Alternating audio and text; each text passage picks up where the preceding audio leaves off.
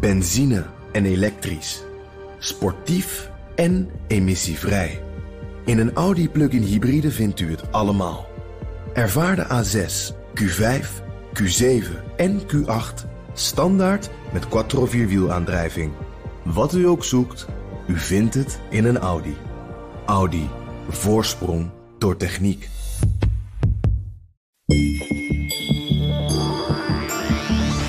Zuid-Chinese zee liggen eilanden waar soms wel vijf verschillende landen aanspraak op maken. En bijna altijd is China een van die landen. Taiwan meestal ook trouwens. En dan nog één of meer van de landen uit het rijtje Vietnam, de Filipijnen, Maleisië, Brunei, Indonesië. De strijd om de Zuid-Chinese zee die sluimert al decennia, maar de laatste jaren maakt China er steeds meer werk van om zijn macht daar te vergroten. En waar de andere landen eerst nog leidzaam toekeken, beginnen die nu van zich af te bijten. Met behulp van het Westen. Daarom in deze China-podcast de vraag: moet Europa zich mengen in de strijd om de Zuid-Chinese zee? Mijn gasten Jeroen Franke, welkom terug. Jeroen was eh, tot 2016 defensieattaché in Beijing. En Friso Dubbelboer, politicoloog gespecialiseerd in de Zuid-Chinese zeeconflicten. Ook welkom. Ik ben Mark Beekhuis. Deze podcast wordt mogelijk gemaakt door het Leiden Asia Center. En we gaan zo meteen een heleboel achtergronden bespreken. Maar ik wil eerst even een soort oordeel om te weten waar jullie ongeveer staan. Een beetje een gevoel erover te krijgen. Als we nou kijken naar de Zuid-Chinese Zee, naar uh, de rol die China daar speelt, is dat assertiviteit of meer agressie? Het is volledig assertiviteit, ja? denk ik. Uh, en wij zijn niet assertief genoeg. Wij denken dat het een ver van ons bed show is. Uh, en ik wil pleiten dat het zeker geen ver van ons bed show is. Oké, okay, dat was dus de stem van Jeroen. En Friso, uh, is het assertief, agressief? Dat hangt vanaf, uh, vanaf welk standpunt je bekijkt. Vanuit Europa is het assertief. Maar als je een Filipijns visserschip bent dat overvaren wordt door een schip van de Chinese maritieme militie. En dat je dan s s'nachts in zee drijft, dan denk ik dat je het agressie noemt. Ja, dat standpunt, dat, en dat voor de Filipijnen, maar die hebben, al die andere landen, die hebben ook allemaal zo hun, uh, hun, hun, eigen eilandjes hun daar. Eigen ze... met, uh, met uh, China, ja, inderdaad. En misschien ja. ook wel onderling, want ik zag, er was één conflict geloof ik waar China niet in zat, waar dan Indonesië weer in verwikkeld ja, Indonesië was. claimt geen eilanden, of Indonesië heeft daar wel eilanden. China claimt geen eilanden van Indonesië, alleen een stukje zeegebied dat volgens het zeerecht van Indonesië is. Wie van jullie twee ga ik beginnen met vragen wat China op het ogenblik aan het doen is in dat uh, gebied? Nou ja, je kan uh, bij ons allebei beginnen. Uh, wij benaderen het toch allebei van een net ander oogpunt. ik ben oud-militair. Ik wil ook benadrukken dat ik namens mezelf spreek en niet namens Defensie. maar mijn kennis is natuurlijk wel opgedaan bij Defensie. En ik zie de bewegingen van China uh, vanuit het militaire perspectief. Uh, en vanuit het perspectief van China om wereldmacht te worden in de Pax Sinica. Wat doet China gewoon praktisch, ik wou zeggen op de grond, maar uh, ja, op de zeebodem daar?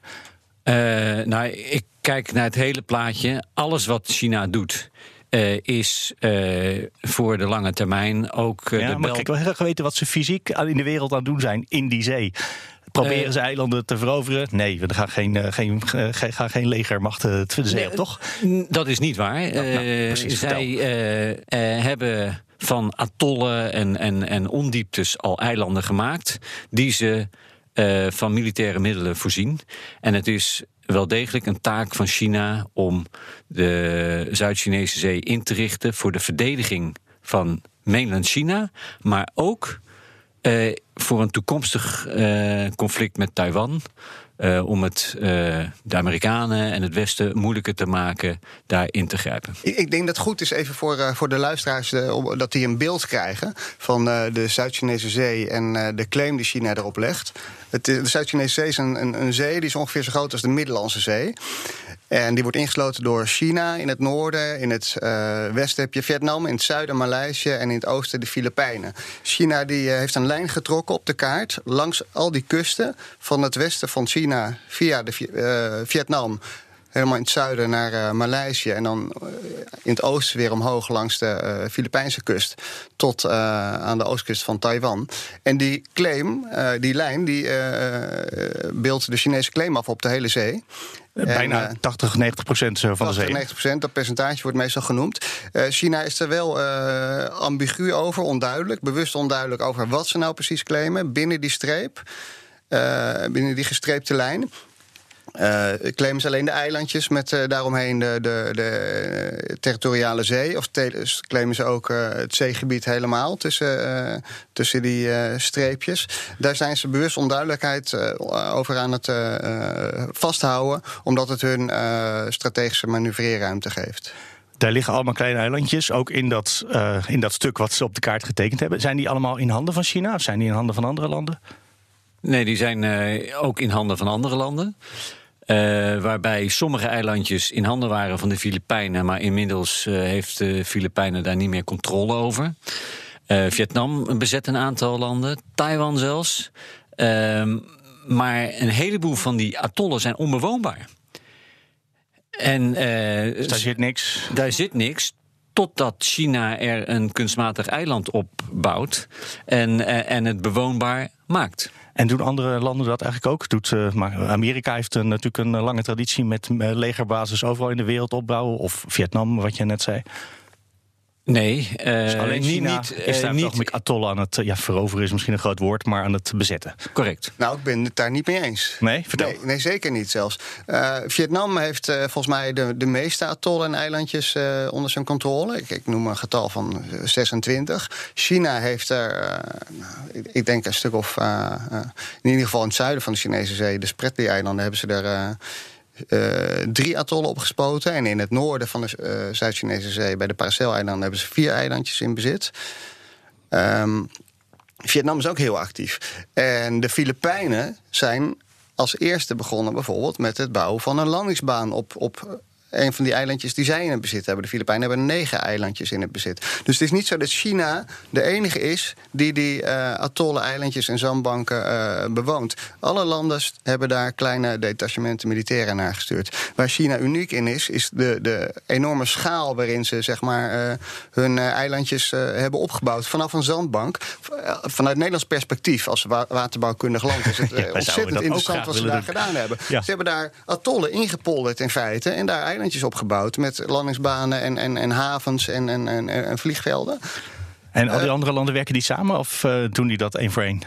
Nee, die andere landen die, die, die, ja, die, die, die, hebben ook conflicten met elkaar. De Filipijnen en Vietnam hebben ook conflicten met elkaar. En Maleisië en Vietnam. En, en dat maakt het ook zo gecompliceerd. Het is, het is een vreselijk ingewikkelde situatie. Want iedereen heeft een conflict met iedereen. En, en de, de, de uh, lokale, uh, regionale organisatie, de Associatie van Zuidoost-Aziatische Landen, ASEAN, daar zijn al die andere landen in uh, verenigd, behalve China. Je zou denken dat die heel erg samenwerken tegen China, maar niks is minder waar. Uh, die organisatie is verdeeld en wordt ook verdeeld door China. Want China speelt de landen tegen elkaar uit. Met name de ASEAN-landen die geen claim hebben in de Zuid-Chinese zee, zoals Laos en Cambodja, die uh, worden uh, met financiële middelen en ook politieke druk ertoe aangezet om de uh, Chinese claim te, te, steunen. Of in ieder geval niet uh, de andere ASEAN-landen te steunen in hun positie ten opzichte van China. ASEAN is dus verdeeld en China bevordert dat. En dat is ook zo interessant, en dat, dat we het hier in Nederland over hebben. Wij moeten ook uh, uh, met China leren omgaan. En ik denk dat het voor de Europese Unie ontzettend interessant is om te kijken hoe ASEAN daarmee omgaat. En hoe China maar die laten zich toch nog tegen elkaar uitspelen. Dus die gaan er ook nog niet zo handig mee om, maar daar zouden we wat van kunnen leren. Nou, daar ben ik niet helemaal nee? met je eens. Uh, want uh, wij benaderen alles, ook het probleem uh, in het Verre Oosten, vanuit ons eigen westerse perspectief. Mm.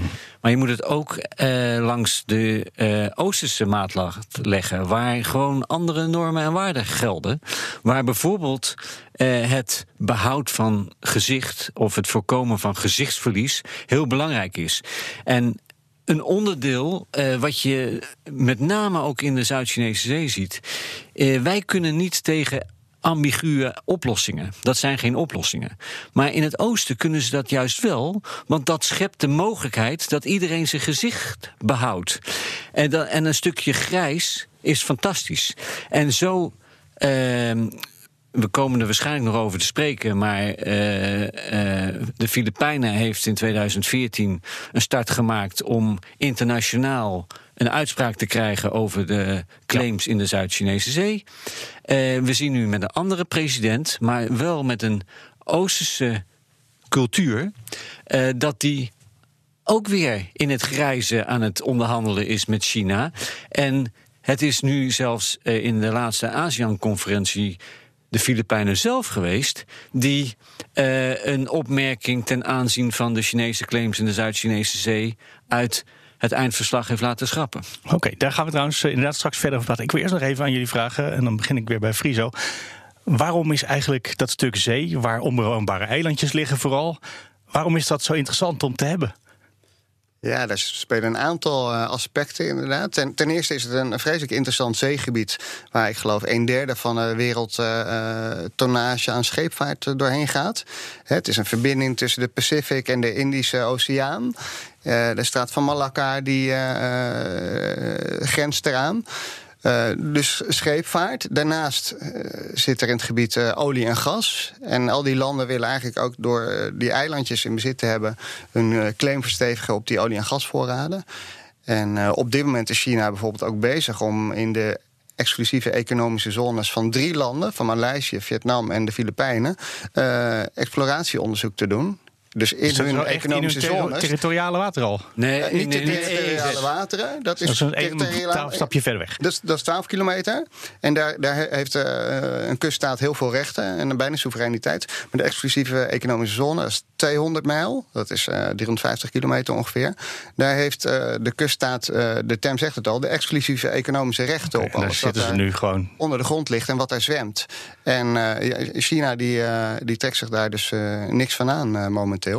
Dus uh, olie en gas, vis ook. En vis is heel belangrijk, dat moeten we niet onderschatten. China heeft uh, een enorme vissersvloot. En daarmee hebben ze voor de Chinese kusten eigenlijk al heel veel vis uh, weggekaapt. En, en, die vis die sterft daaruit. Dus ze gaan steeds verder van huis vissen. Ja, Ja. Dus ze gaan steeds verder van huis vissen. En vis, het is echt een hele belangrijke voedselbron in Oost-Azië. Dus dat moeten we niet onderschatten. Dus olie, gas, scheepvaart. Ja. En jij Jeroen zit er ook nog een militaire kant aan? ik, eh, er zit zeker een militaire kant aan. Mag ik even aanvullen op, eh, op eh, de, de punten die Friso terecht eh, noemt? Eh, als je kijkt naar een lijstje van de wereldhavensteden. ehm, en er zijn heel veel verschillende lijstjes op tonnage, op containers en dan van verschillende jaren. Maar de algemene deler is dat van de tien grootste eh, havens er zeven of acht in China liggen en negen rond de Zuid-Chinese Zee. Dat geeft aan hoe belangrijk die Zuid-Chinese Zee is. Gewoon voor de En wereldeconomie. eh, Rotterdam is nog steeds de grootste van Europa. Staat in sommige lijstjes net in de top 10 en in de meeste lijstjes net erbuiten. Eh maar dat betekent dat heel veel van de handel naar Rotterdam ook door die Zuid-Chinese Zee gaat. Eh, dus eh, ik wil het niet op een derde, maar het is eh, zeker 50% van de wereldhandel die door de Zuid-Chinese Zee gaat. Oké. Over visserij, heel belangrijk, wordt, de Zuid-Chinese Zee wordt grotendeels leeggevist. 55% van alle visserschepen in de wereld opereert in de Zuid-Chinese Zee. Dat zijn allemaal kleine schepen, dus 12% van de visvangst wereldwijd komt uit de Zuid-Chinese Zee. Dat is nog steeds een enorm Dat is een enorm aantal. Ja. Ja. Grondstoffen eh, Ja. is eh, belangrijk, maar nog niet volledig duidelijk. Dus Mhm. dat is nog een groot vraagteken. Gezien de eh, voorraden aan gas en olie in Indonesië en Sarawak kennen wij nog van vroeger, maar ook Brunei. Eh, mag je verwachten dat er grote voorraden zijn. En ik ben natuurlijk als oud-militair eh, op het militaire. En militair is het heel erg belangrijk om, eh, ik zou zeggen, twee redenen. Defense in depth voor het Chinese vasteland. Dus je moet voldoende ruimte hebben om de vijand aan te zien komen. En, en ook nog om te kunnen reageren. Uh, daartoe worden op die eilanden militaire en raketten en ook vliegtuigen gestationeerd. En als je cirkeltjes uh, om die eilanden maakt met het bereik van die raketten, dan uh, covert China bijna de hele Zuid-Chinese zee. Dat hebben ze slim opgezet. maar een minder bekend aspect van het militaire gebeuren is dat China ook nucleaire onderzeeboten heeft gewapend met ballistische raketten. zij opereren voorals nog voornamelijk vanuit de oud-Sovjet-gedachte, vanuit een bastion niet te ver van het moederland.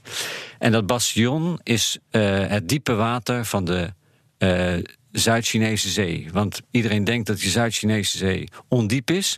Dat is voor uh, twee derde het geval. Maar het noordelijke deel is diep water, waar die ballistische uh, de SSBN's noemen we ze, ja, die onderzeeboten kunnen opereren. Ja. En van daaruit kunnen ze dus uh, ook hun ballistische raketten verschieten. En, en interessant is, die ondieptes aan de oostkant van de uh, Zuid-Chinese zee, dus de Paracel-eilanden en zo, de, worden ook wel de dangerous grounds uh, genoemd, gevaarlijke gronden. Vroeger wilde je daar als, als schip helemaal niet in de buurt komen, behalve kleine vissersbootjes misschien. Maar er zijn ook geheime doorgangen, Noord-Zuid en Oost-West, en die zijn in het interbellum zijn die in kaart gebracht door zowel Japan als de Engelse marine, de Franse marine, de Amerikaanse marine. Uh, als voorbereiding op de Tweede Wereldoorlog. En uh, dat is ook een beetje het moment waarop uh, de, de, ik denk ik, strategische waarde van de Zuid-Chinese Zee onderkend werd, zeg maar, door, door de grootmachten. Um, jullie hebben het allebei inderdaad al even gehad over de economische zone en over de visserij, dat ze in elkaars gebied zitten. Normaal hebben we daar toch een uh, hof over in Den Haag, wat dan uitspraken doet als landen met elkaar eh, in de clinch liggen. Dat is hier ook gebeurd. Dat uh, zei jij net ook al, Jeroen. In 2016 was dat hè, een uitspraak. Wat was, wat was de uitspraak daarvan ook weer? Waar ging die over? Nou, de uitspraak was geïnitieerd door de Filipijnen. Toen de vorige president nog de macht had. om als reactie op agressieve ja, handelen van de Chinezen, de Chinese kustwacht en, en de Chinese visserij. Uh, in, binnen de EEZ van uh, de Filipijnen. Uh, daar is twee jaar over gedelibereerd. En uiteindelijk is de uitspraak gekomen dat de Chinese claim onrechtmatig is. Echter, en dat is mijn, toch wel mijn, mijn kanttekening aan dit hele proces. China ziet een andere wereldorde. Ze maken slim gebruik van de huidige wereldorde met de VN en, en, en alles. Uh, en uiteindelijk gaat het toch anders worden. Uh, China erkent uh, een uitspraak van het Hof van Arbitrage niet. China vindt dat je problemen bilateraal moet oplossen. En daar heb je geen derde partij voor nodig. Dus zij erkenden vanaf het begin dit Hof niet. Ze deden ook helemaal niet mee met die, uh, met die zaak. Nou, ze waren wel geïnteresseerd, want in de pers kwam heel veel uh, naar voren en ze volgden het wel, wel degelijk, maar ze doen er, zeggen ze, niks mee. Daarbij, het Hof bestond uit een voorzitter uit Ghana. Dat lijkt zeer neutraal. Mm en een aantal experts, rechters, uh, juridische experts. En die kwamen uit Nederland, Duitsland, Frankrijk en Polen.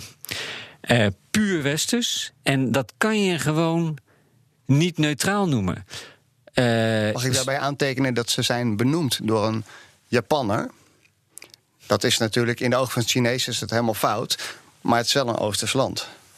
Eh, ja, uh, ja helemaal correct. Maar uh, ik wil aangeven dat het gewoon zeker in de ogen van China niet neutraal is. Wij denken, maar het zijn experts, ja. dus die kunnen objectief wetenschappelijk naar het probleem kijken. Maar dat, dat vertrouwen. Ook gedaan, maar daar hebben de Chinezen dan, die vinden misschien die, west, die westerse nee. manier van denken al niet interessant? Nee, en dan kom ik met mijn laatste punt.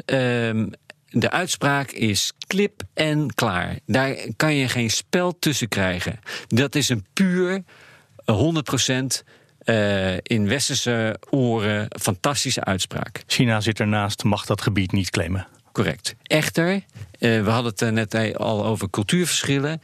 Het stukje Oosterse cultuur, waarin juist behoefte is aan ambiguity en een grijs gebied, dat zit er helemaal niet in. En met deze uitspraak leidt China een uh, onacceptabel gezichtsverlies. Die arbitrage die heeft inderdaad gezegd dat uh, die claim van China, die negen streepjeslijn, of de U-vormige lijn, zoals die ook wordt genoemd, dat die geen basis heeft in het uh, internationaal recht en dan met name het zeerecht. Uh, ze hebben er ook niet aan meegedaan, inderdaad. Um, tegelijkertijd denk ik dat die arbitragezaak een gemiste kans is geweest voor alle landen om tot een soort compromis te komen. En, en ook voor China. China heeft een maximale claim op dat gebied. Met een minimale bereidheid tot dusver tot uh, compromis. Eigenlijk uh, geen bereidheid tot compromis. Ik denk dat dit een, een, goede aanleiding was geweest om, om met al die landen eh, om elkaar te gaan zitten. En tot een, een, compromis te komen. Over grijs gebied gesproken. Het is niet zo dat China daar geen eilanden mag claimen. Ik persoonlijk denk dat alle landen, alle kuststaten daar eilanden mogen claimen. En dat ze daar samen uit moeten komen. Alleen dat moet wel in, in, in uh, goede vrede en samenwerking gaan. En, en niet door, door uh, de, might makes right. Hè, het recht van de sterkste. En dat is wat nu eigenlijk gebeurt. En ja, nogmaals, ik, als je het hebt over grijs gebied, over compromis. En dit is een kans geweest die China heeft gemist in mijn optiek. Tot een compromis. Ik, ik denk dat de wereldorde die ook heeft gemist. Tegelijkertijd, wij hangen uh, de huidige wereldorde aan. Wij zijn uh, grondleggers uh, geweest van internationale verdragen zoals het zeerecht. UNCLOS vinden wij belangrijk. Wat UNCLOS is? United Nations Law of the Sea. Oh, okay. Daar staan duidelijke regels in. En zo'n archipel in het midden van niks is hoeft gewoon helemaal niet geclaimd te worden. Die de Vinden meest. wij. Nou, je vindt, uh, vindt dus Ja. ook dat uh, internationale eh, zeerecht. En ehm, heel veel van die eilanden voldoen ook niet aan de definitie van een eiland. Eh, omdat ze gewoon te laag zijn, niet bewoonbaar kunnen eh, zijn, omdat er geen zoet water is, eh, et cetera. Dus volgens het zeerecht heeft niemand daar eigenlijk rechten. In China doen ze dus helemaal niet aan het zeerecht. Correct. Ja. Eh, Nou, dat is ook niet correct, want ze zijn wel partij van het zeerechtverdrag van de Verenigde Naties. En het interessante Interessant is dit, bijvoorbeeld dat Amerika het eh UNCLOS-verdrag niet heeft ondertekend, maar wel aanhangt. Hm. Zij hebben het niet ondertekend om gewoon speelruimte te hebben. Eh, maar in alles wat zij doen, gebruiken ze het zeerecht. China heeft met enkele aantekeningen. Het UNCLOS-verdrag wel ondertekend. Maar een van de dingen is dat ze geen arbitrage nodig hebben, omdat ze de zaken eh, bilateraal eh, willen oplossen. Ja, en je zei net, ze zou dat op een Oosterse manier moeten doen. eh, Zo'n uitspraak van eh, dat Hof van Arbitrage, waarin gezichtsverlies voorkomen wordt. Het is een soort rechter. Die gaat, die gaat nog niet zeggen, nou ja, er is een moord gepleegd. Hier is een soort fuzzy, onduidelijke situatie. eh, dit is uw uitspraak, hier moet u het mee doen. Er moet, er moet toch een soort ja of nee uitkomen altijd? Eh, zelfs in eh, moorduitspraken zijn in China grijze Ja? gebieden, maar dan spelen er ook nog andere dingen een rol. Ik wil het niet met een eh, moordzaak vergelijken. Maar het blijft zo dat in onze ogen zwart-wit wenselijk is en in Oosterse ogen ambiguity juist wenselijk is. En, en, daar, en daar wordt dan fusie over gedaan, maar dat is onderdeel van de ambiguity. Ook tussen China en Japan spelen er conflicten die in het verleden volledig eh, grijs zijn opgelost en verschoven naar de toekomst, eh, waarin men hoopte dat mensen wijzer zouden zijn.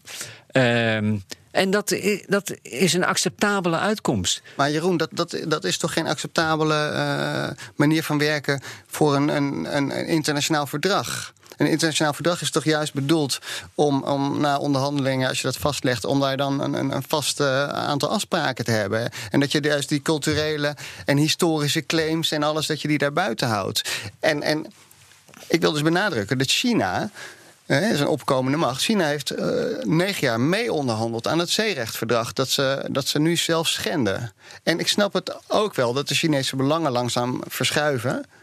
En dat ze daardoor misschien uh, niet, meer, uh, niet meer in hun uh, belang is om zich daar helemaal strikt aan te houden. Maar als je strikt de letter van de, van de wet volgt, en, en dat is eigenlijk de bedoeling van zo'n zeerechtverdrag, dan, dan, dan, dan, dan, dan schenden zij dus het verdrag waar zij zelf aan mee hebben onderhandeld. En dan kan je wel zeggen, culturele verschillen of China was vroeger onderdrukt, het is een westerse wereldorde. Nee, het zeerechtverdrag dat is negen jaar lang uitonderhandeld door vreselijk veel VN-leden. En daar zijn ze helemaal uh, zelf bij geweest.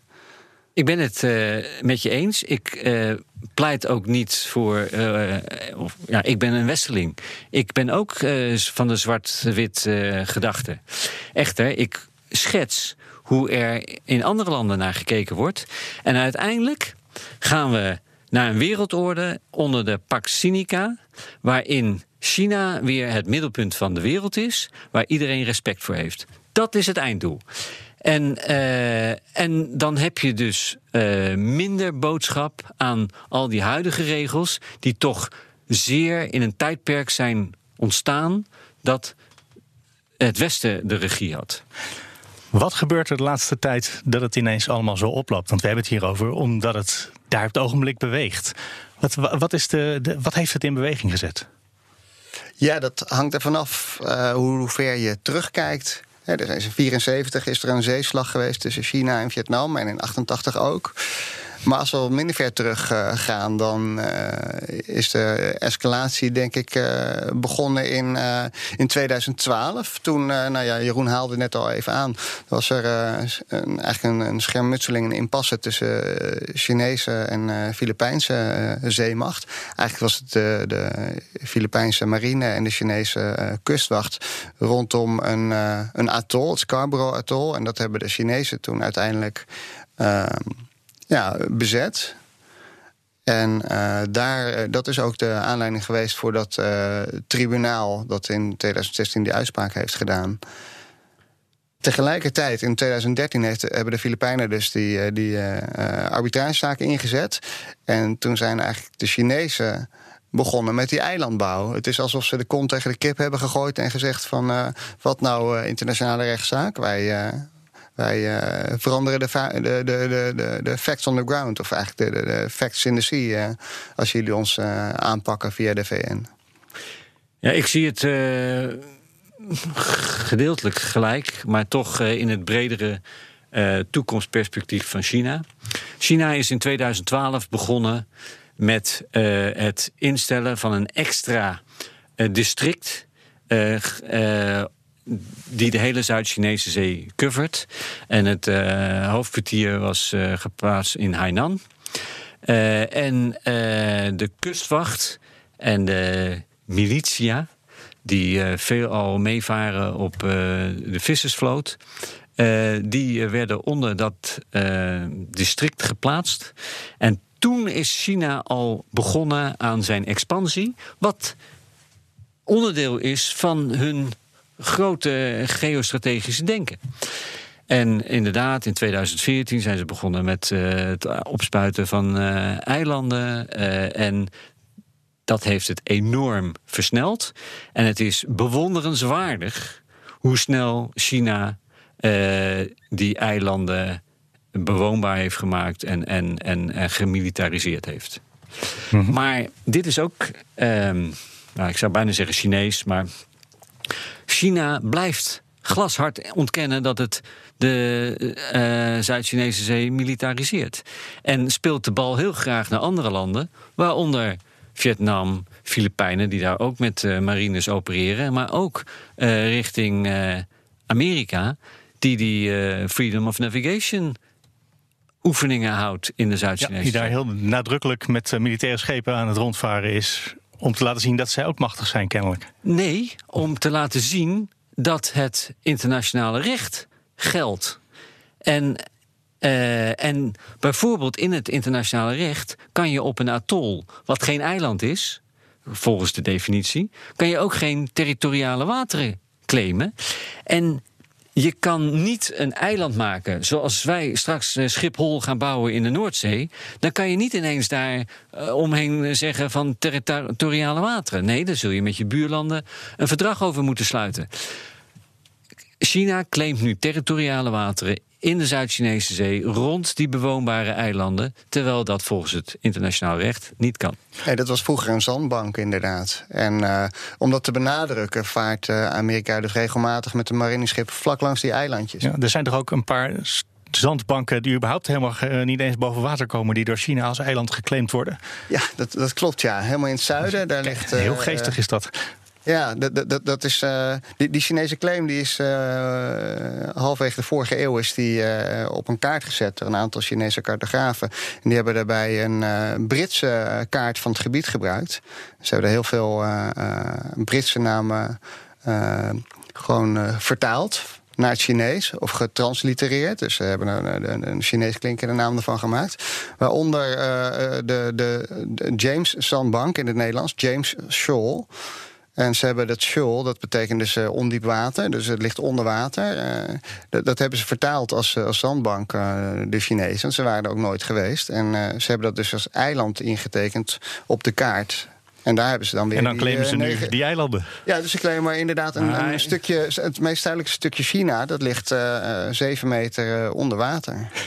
Ja, maar laat ik zo zeggen, dat zijn ook definities. Ik ben marineman eh, mm geweest. En uh, dus zandbanken, die uh, zijn uh, met hoogwater, liggen die onder water. Maar met laagwater kunnen die ook boven water. Ja. en, en dan wordt het ineens een eiland. En je ziet aan onze eigen Wadden-eilanden dat... Uh, sommige van die ondieptes worden vanzelf eilanden. Dat zien we voor Den Helder gebeuren. Dus dat gebeurt ook in de Zuid-Chinese Zee. Uh, bij, de, bij de Filipijnen, uh, ja. dat is, was ook een ondiepte waar nu eilanden op gemaakt ja, worden. Het is zeker in beweging. Maar waarom het zo interessant is, dit punt van die, die, die verkeerde vertaling, is om aan te geven dat die Chinese claim, dat ze, al, ze zeggen eigenlijk, we hebben al 2000 jaar varen daar Chinese vissers en schepen rond en besturen we dat. Maar ze hadden dus halfwege vorige eeuw eigenlijk nog geen idee uh, over, over, van dat zeegebied. Uh, en, en toen op een gegeven moment uh, de Fransen een paar eilandjes claimden in, in, in de, in de Spratly-eilanden. Toen hadden de Chinezen eigenlijk geen idee dat dat een andere eilandgroep was dan de Paracel-eilanden. Ja, het is dus niet zo dat de Chinezen nog... geen, geen kaas hadden gegeten van, van zeevaart. Want ze, al in de 15e eeuw hadden ze een enorme vloot uh, varen. Met enorme schepen, groter dan, dan Columbus uh, uh, 80 jaar later. Waarmee ze naar Oost-Afrika zijn gevaren. Dus ze, ze hadden zeker kaas gegeten van zeevaart. Maar op een gegeven moment uh, heeft China zich weer in zichzelf gekeerd. En, en heeft de keizer gezegd: wij, wij doen niet meer aan. Uh, we sluiten ons af. En uh, we richten ons op China en uh, we gaan China verdedigen met, met de Chinese muur. Dus een, een zekere desinteresse in dat gebied heeft uh, zeker een rol gespeeld. En die interesse is pas vorige eeuw weer volop naar boven anderen het ook wilden hebben. Is wel omdat de anderen dat, daar ook in geïnteresseerd raken. Ja? Ja. Je zat eerst in stemmen te knikken, maar nu niet meer. Nou, ik wil het nuanceren, want de Tweede Wereldoorlog heeft een belangrijke rol gespeeld. Frankrijk was toen bezette Zuidoost-Azië, in Indochina. Uh, na de Tweede Wereldoorlog uh, zijn er uh, in het eh, verdrag van Cairo en het verdrag van Potsdam afspraken gemaakt over de verdeling van de wereld. En, en ook in het Verre Oosten. China was daar geen ondertekenaar van, maar uiteindelijk wel een partij. En toen de Tweede Wereldoorlog eindigde in het Verre Oosten zijn er uitspraken geweest en kreeg eh, China uh, macht over eilanden in de Zuid-Chinese Zee. Uh, die gingen ze van Japan overnemen. Dus die Jappen, die, die troepen, die werden terug naar Japan gehaald. En notabene de nationalisten, die destijds in China de macht hadden... die hebben toen een aantal eilanden bezet. Ehm, en toen na de Tweede Wereldoorlog de burgeroorlog uitbrak, die uiteindelijk gewonnen is door de communisten, waardoor de nationalisten zich terugtrokken op Taiwan. Uh, toen uh, hebben de nationalisten uit pure noodzaak, omdat ze hun troepen nodig hadden, hebben die troepen van die eilandjes in de Zuid-Chinese Zee weer teruggehaald naar Taiwan. En Toen is het een tijd stilgebleven. Maar op het moment dat die nationalisten die eilanden bezetten vlak na de Tweede Wereldoorlog, was Frankrijk degene die zijn vinger opstak en zei: hé, hey, dat kan niet zomaar, want die zijn van ons. Dus toen die nationalisten daar wegtrokken, toen kwam Vietnam. En, die, en die claimde die eilanden. Dus het is een komen en gaan van troepen. uiteindelijk moet je wel zeggen dat in de 19e eeuw waarschijnlijk er gewoon een organieke bevolking was van Vietnamese afkomst. maar Vietnamese en Maleise afkomst. Die woonden op een paar van die eilanden en visserijbedreven. En verder afhankelijk van het seizoen kwamen daar meer en minder vissers uit al die landen uh, daarbij. Nou, ik denk dat het nou belangrijk is om te benadrukken dat alle om, omliggende landen gewoon daar, daar wel uh, bepaalde interactie hadden met die eilanden. Dus niet zo. Je kon er maar beter niet uh, onvoorzichtig langs varen. Maar de, alle, alle, alle landen die hadden wel vissers die daar af en toe stopten, hun net repareerden. En, dus, maar dat, het punt is dus ook, die zee is niet Chinees of Vietnamees of Filipijns die zou eigenlijk van iedereen moeten zijn. Of ze zouden dat eigenlijk moeten verdelen. Nou, en dat is correct. Het is gewoon internationaal water, zoals het midden van de Atlantische Oceaan ook is. Met uh, conform het zeerecht afspraken over territoriale wateren, dat is 12 mijl uit de kust. En een exclusieve economische zone van 200 mijl. En daar waar die 200 mijl overlapt, maak je afspraken onderling. En dan blijft er dat nog... is hoe wij het zouden doen in het Westen. Correct. Dat is hoe wij het zouden doen, inderdaad. Um, ja, nou, nou, noemde Jeroen net al uh, de Amerikanen... die daar uh, enigszins provocerend vanuit Chinees perspectief uh, rondvaren. Europa heeft net een verdrag met Vietnam gesloten... om samenwerking. daar moeien wij ons ook ineens met de regio. Wat, wat, wat doen wij allemaal op het ogenblik? Vanuit Nederland, vanuit Europa? Nou, vanuit Nederland nog niet zoveel. Maar het is wel zo dat de Fransen en de Britten ook regelmatig eh, de laatste jaren af en toe een marineschip uh, door de Zuid-Chinese zee sturen. Eigenlijk net als uh, de Amerikanen. Met dezelfde reden, dezelfde manier? Bijna dezelfde manier. Ze, ze, noemen het geen vrijheid van scheepvaartoperaties, maar de, de, de boodschap is hetzelfde. Hè? De boodschap is: dit is een internationaal zeegebied. Dus het is, het is, het is een, een marineschip dat daar vaart, maar de boodschap is in wezen uh, internationaal juridisch. Hè? Dit is open water. En uh, dat doet uh, Engeland en dat doet Frankrijk dus de laatste en tijd. En ook uh, Australië en Japan, die doen dat ook. Maar dan niet met, zozeer ja. met schepen, sporadisch, maar met vliegtuigen. Hm. en boven het zeegebied heb je het internationaal luchtruim, maar ook. Uh, hetzelfde internationaal recht. Ja. ja. En als Nederland uh, toevallig richting Japan moet, varen we er omheen of varen we er dwars doorheen? Gewoon omdat het kan.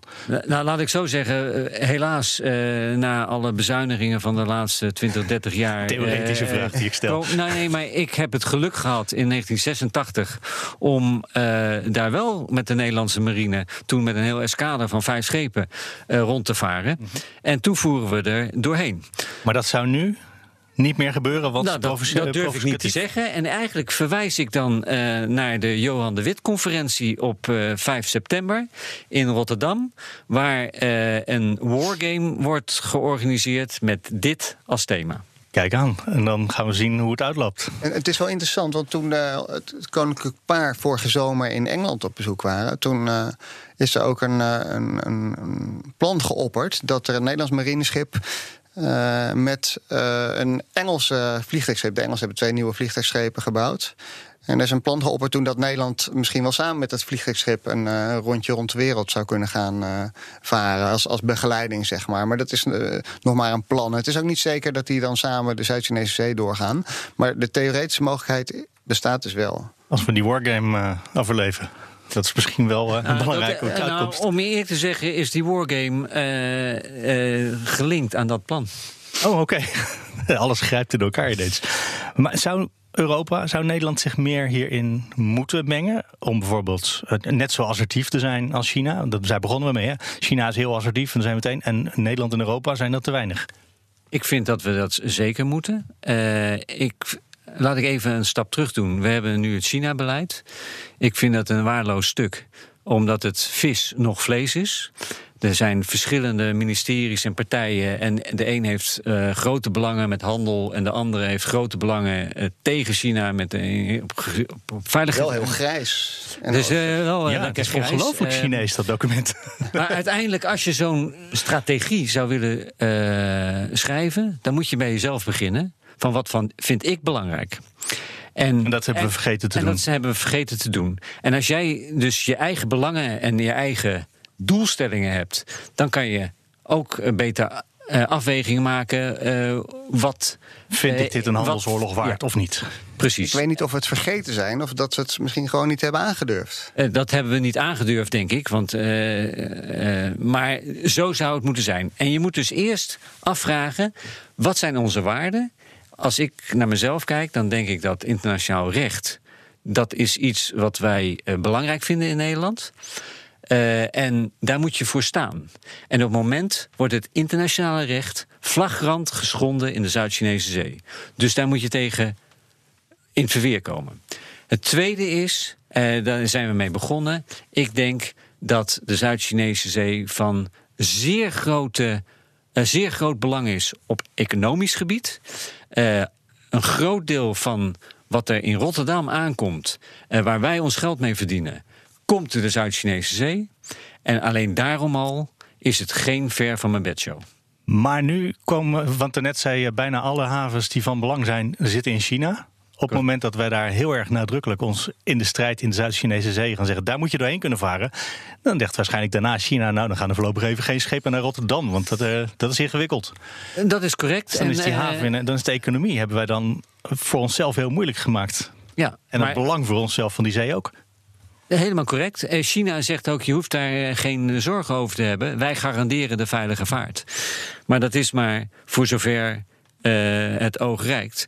Uh, en wij kijken gewoon niet zoals China 50 jaar vooruit in een tijd waarin we straks olietekorten hebben, watertekorten hebben, grondstoffentekorten hebben, landbouwtekorten hebben. En, en waar we schreeuwen om spullen. En die gaan straks allemaal naar China.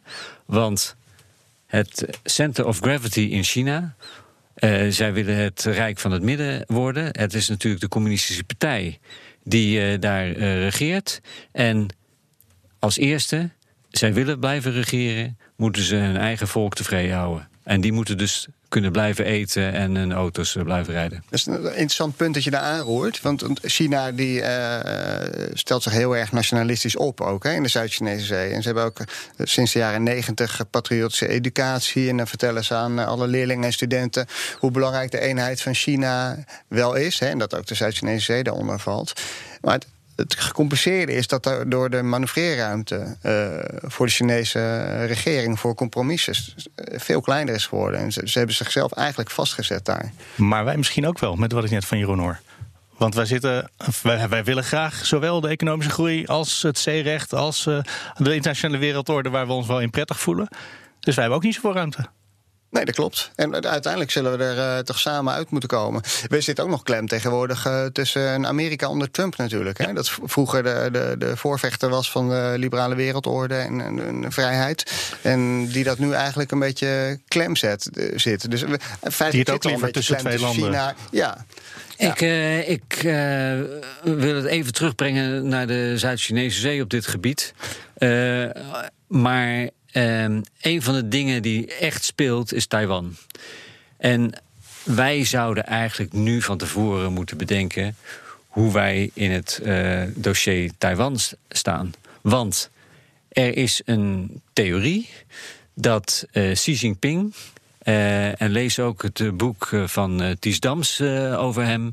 Een fantastisch boek. Uh, maar die uh, blijft president voor life. Die wil uh, Mao evenaren. Dat kan alleen maar als hij de eenheid van China terugbrengt. En dat betekent dat hij Taiwan inlijft. Xi Jinping is in 2033 80. Hij zal dat voor zijn 80ste moeten hebben gedaan. Dus we verwachten voor 2030 dat Taiwan wordt ingelijfd. En als dat gaat gebeuren, zoals het er nu naar uitziet uh, gaat dat niet vreedzaam. En is, speelt die Zuid-Chinese Zee een essentiële rol uh, in de verdediging van Taiwan. Die Amerikanen, die, die wat. je moet je afvragen onder Trump of die Taiwan bijspringen. Ehm, maar die hebben dan minder mogelijkheden om bij te springen. Tegelijkertijd, als die Amerikanen de Pax Americana nog langer willen handhaven, zullen ze duidelijk moeten maken dat ze nog steeds een wereldmacht zijn. Want zo gauw ze Taiwan laten vallen, dan verliest iedereen het vertrouwen in Amerika? Dat denk ik wel, ja. En dan is de Pax, uh, hoe zei je hem zo mooi? Cynica. De Pax Cynica is dan een feit op dat ogenblik, zo gauw Taiwan ingenomen is. Dat denk ik wel. Eens? Ja, eens. Ja, en, en eh, inderdaad, Jeroen, die, die, stelt het heel scherp. Maar inderdaad is, is Taiwan is, is het grote uh, kruidvat in die zee uiteindelijk. Hè. We hebben het allemaal gehad over hele kleine eilandjes en zo. Maar wat Xi Jinping echt interesseert, is, is Taiwan inderdaad uiteindelijk de vereniging van het uh, moederland. Aan het eind van deze podcast dan komen we altijd weer even terug bij de vraag waar we ook mee begonnen. Moet Europa zich mengen in de strijd om de Zuid-Chinese zee? Volgens mij kunnen jullie allebei heel simpel met een ja antwoorden. Of nee? Of is het ingewikkelder? Het is uh, ongelooflijk ingewikkeld. Maar je zult keuzes moeten maken en die keuzes gaan pijn doen. Uh, ja, en de vraag is natuurlijk hoe. En uh, ik denk dat in ieder geval, hè, ik denk niet dat het uh, op Nederlandse weg ligt om daar een vloot naartoe te sturen. Maar wat ze wel kunnen doen, is aandacht voor het probleem genereren. Dat doen we vandaag ook.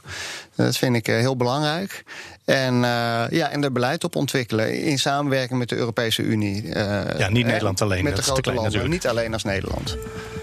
Ik ga jullie allebei hartelijk danken. We komen aan het eind van de China-podcast. Dank aan Jeroen Franke, Friso Dubbelboer. De podcast wordt mogelijk gemaakt door het Leiden Asia Center. Als je dat nog niet gedaan hebt, abonneer je dan meteen even op deze podcast. Je vindt de China-podcast bijvoorbeeld in de BNR-app, bij iTunes, in Spotify. En natuurlijk op bnr.nl slash China-podcast. En daar vind je ook de informatie van deze aflevering. Bijvoorbeeld een linkje naar die eerdere aflevering waar Jeroen Franke ook te gast was. Wil je reageren? Dat kan via podcasts.bnr.nl. Tot over twee weken.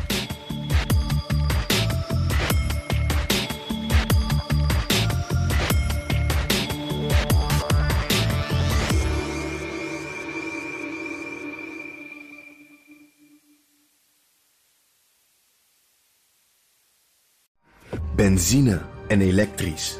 Sportief en emissievrij. In een Audi plug-in hybride vindt u het allemaal. Ervaar de A6, Q5, Q7 en Q8 standaard met quattro vierwielaandrijving. Wat u ook zoekt, u vindt het in een Audi. Audi. Voorsprong door techniek.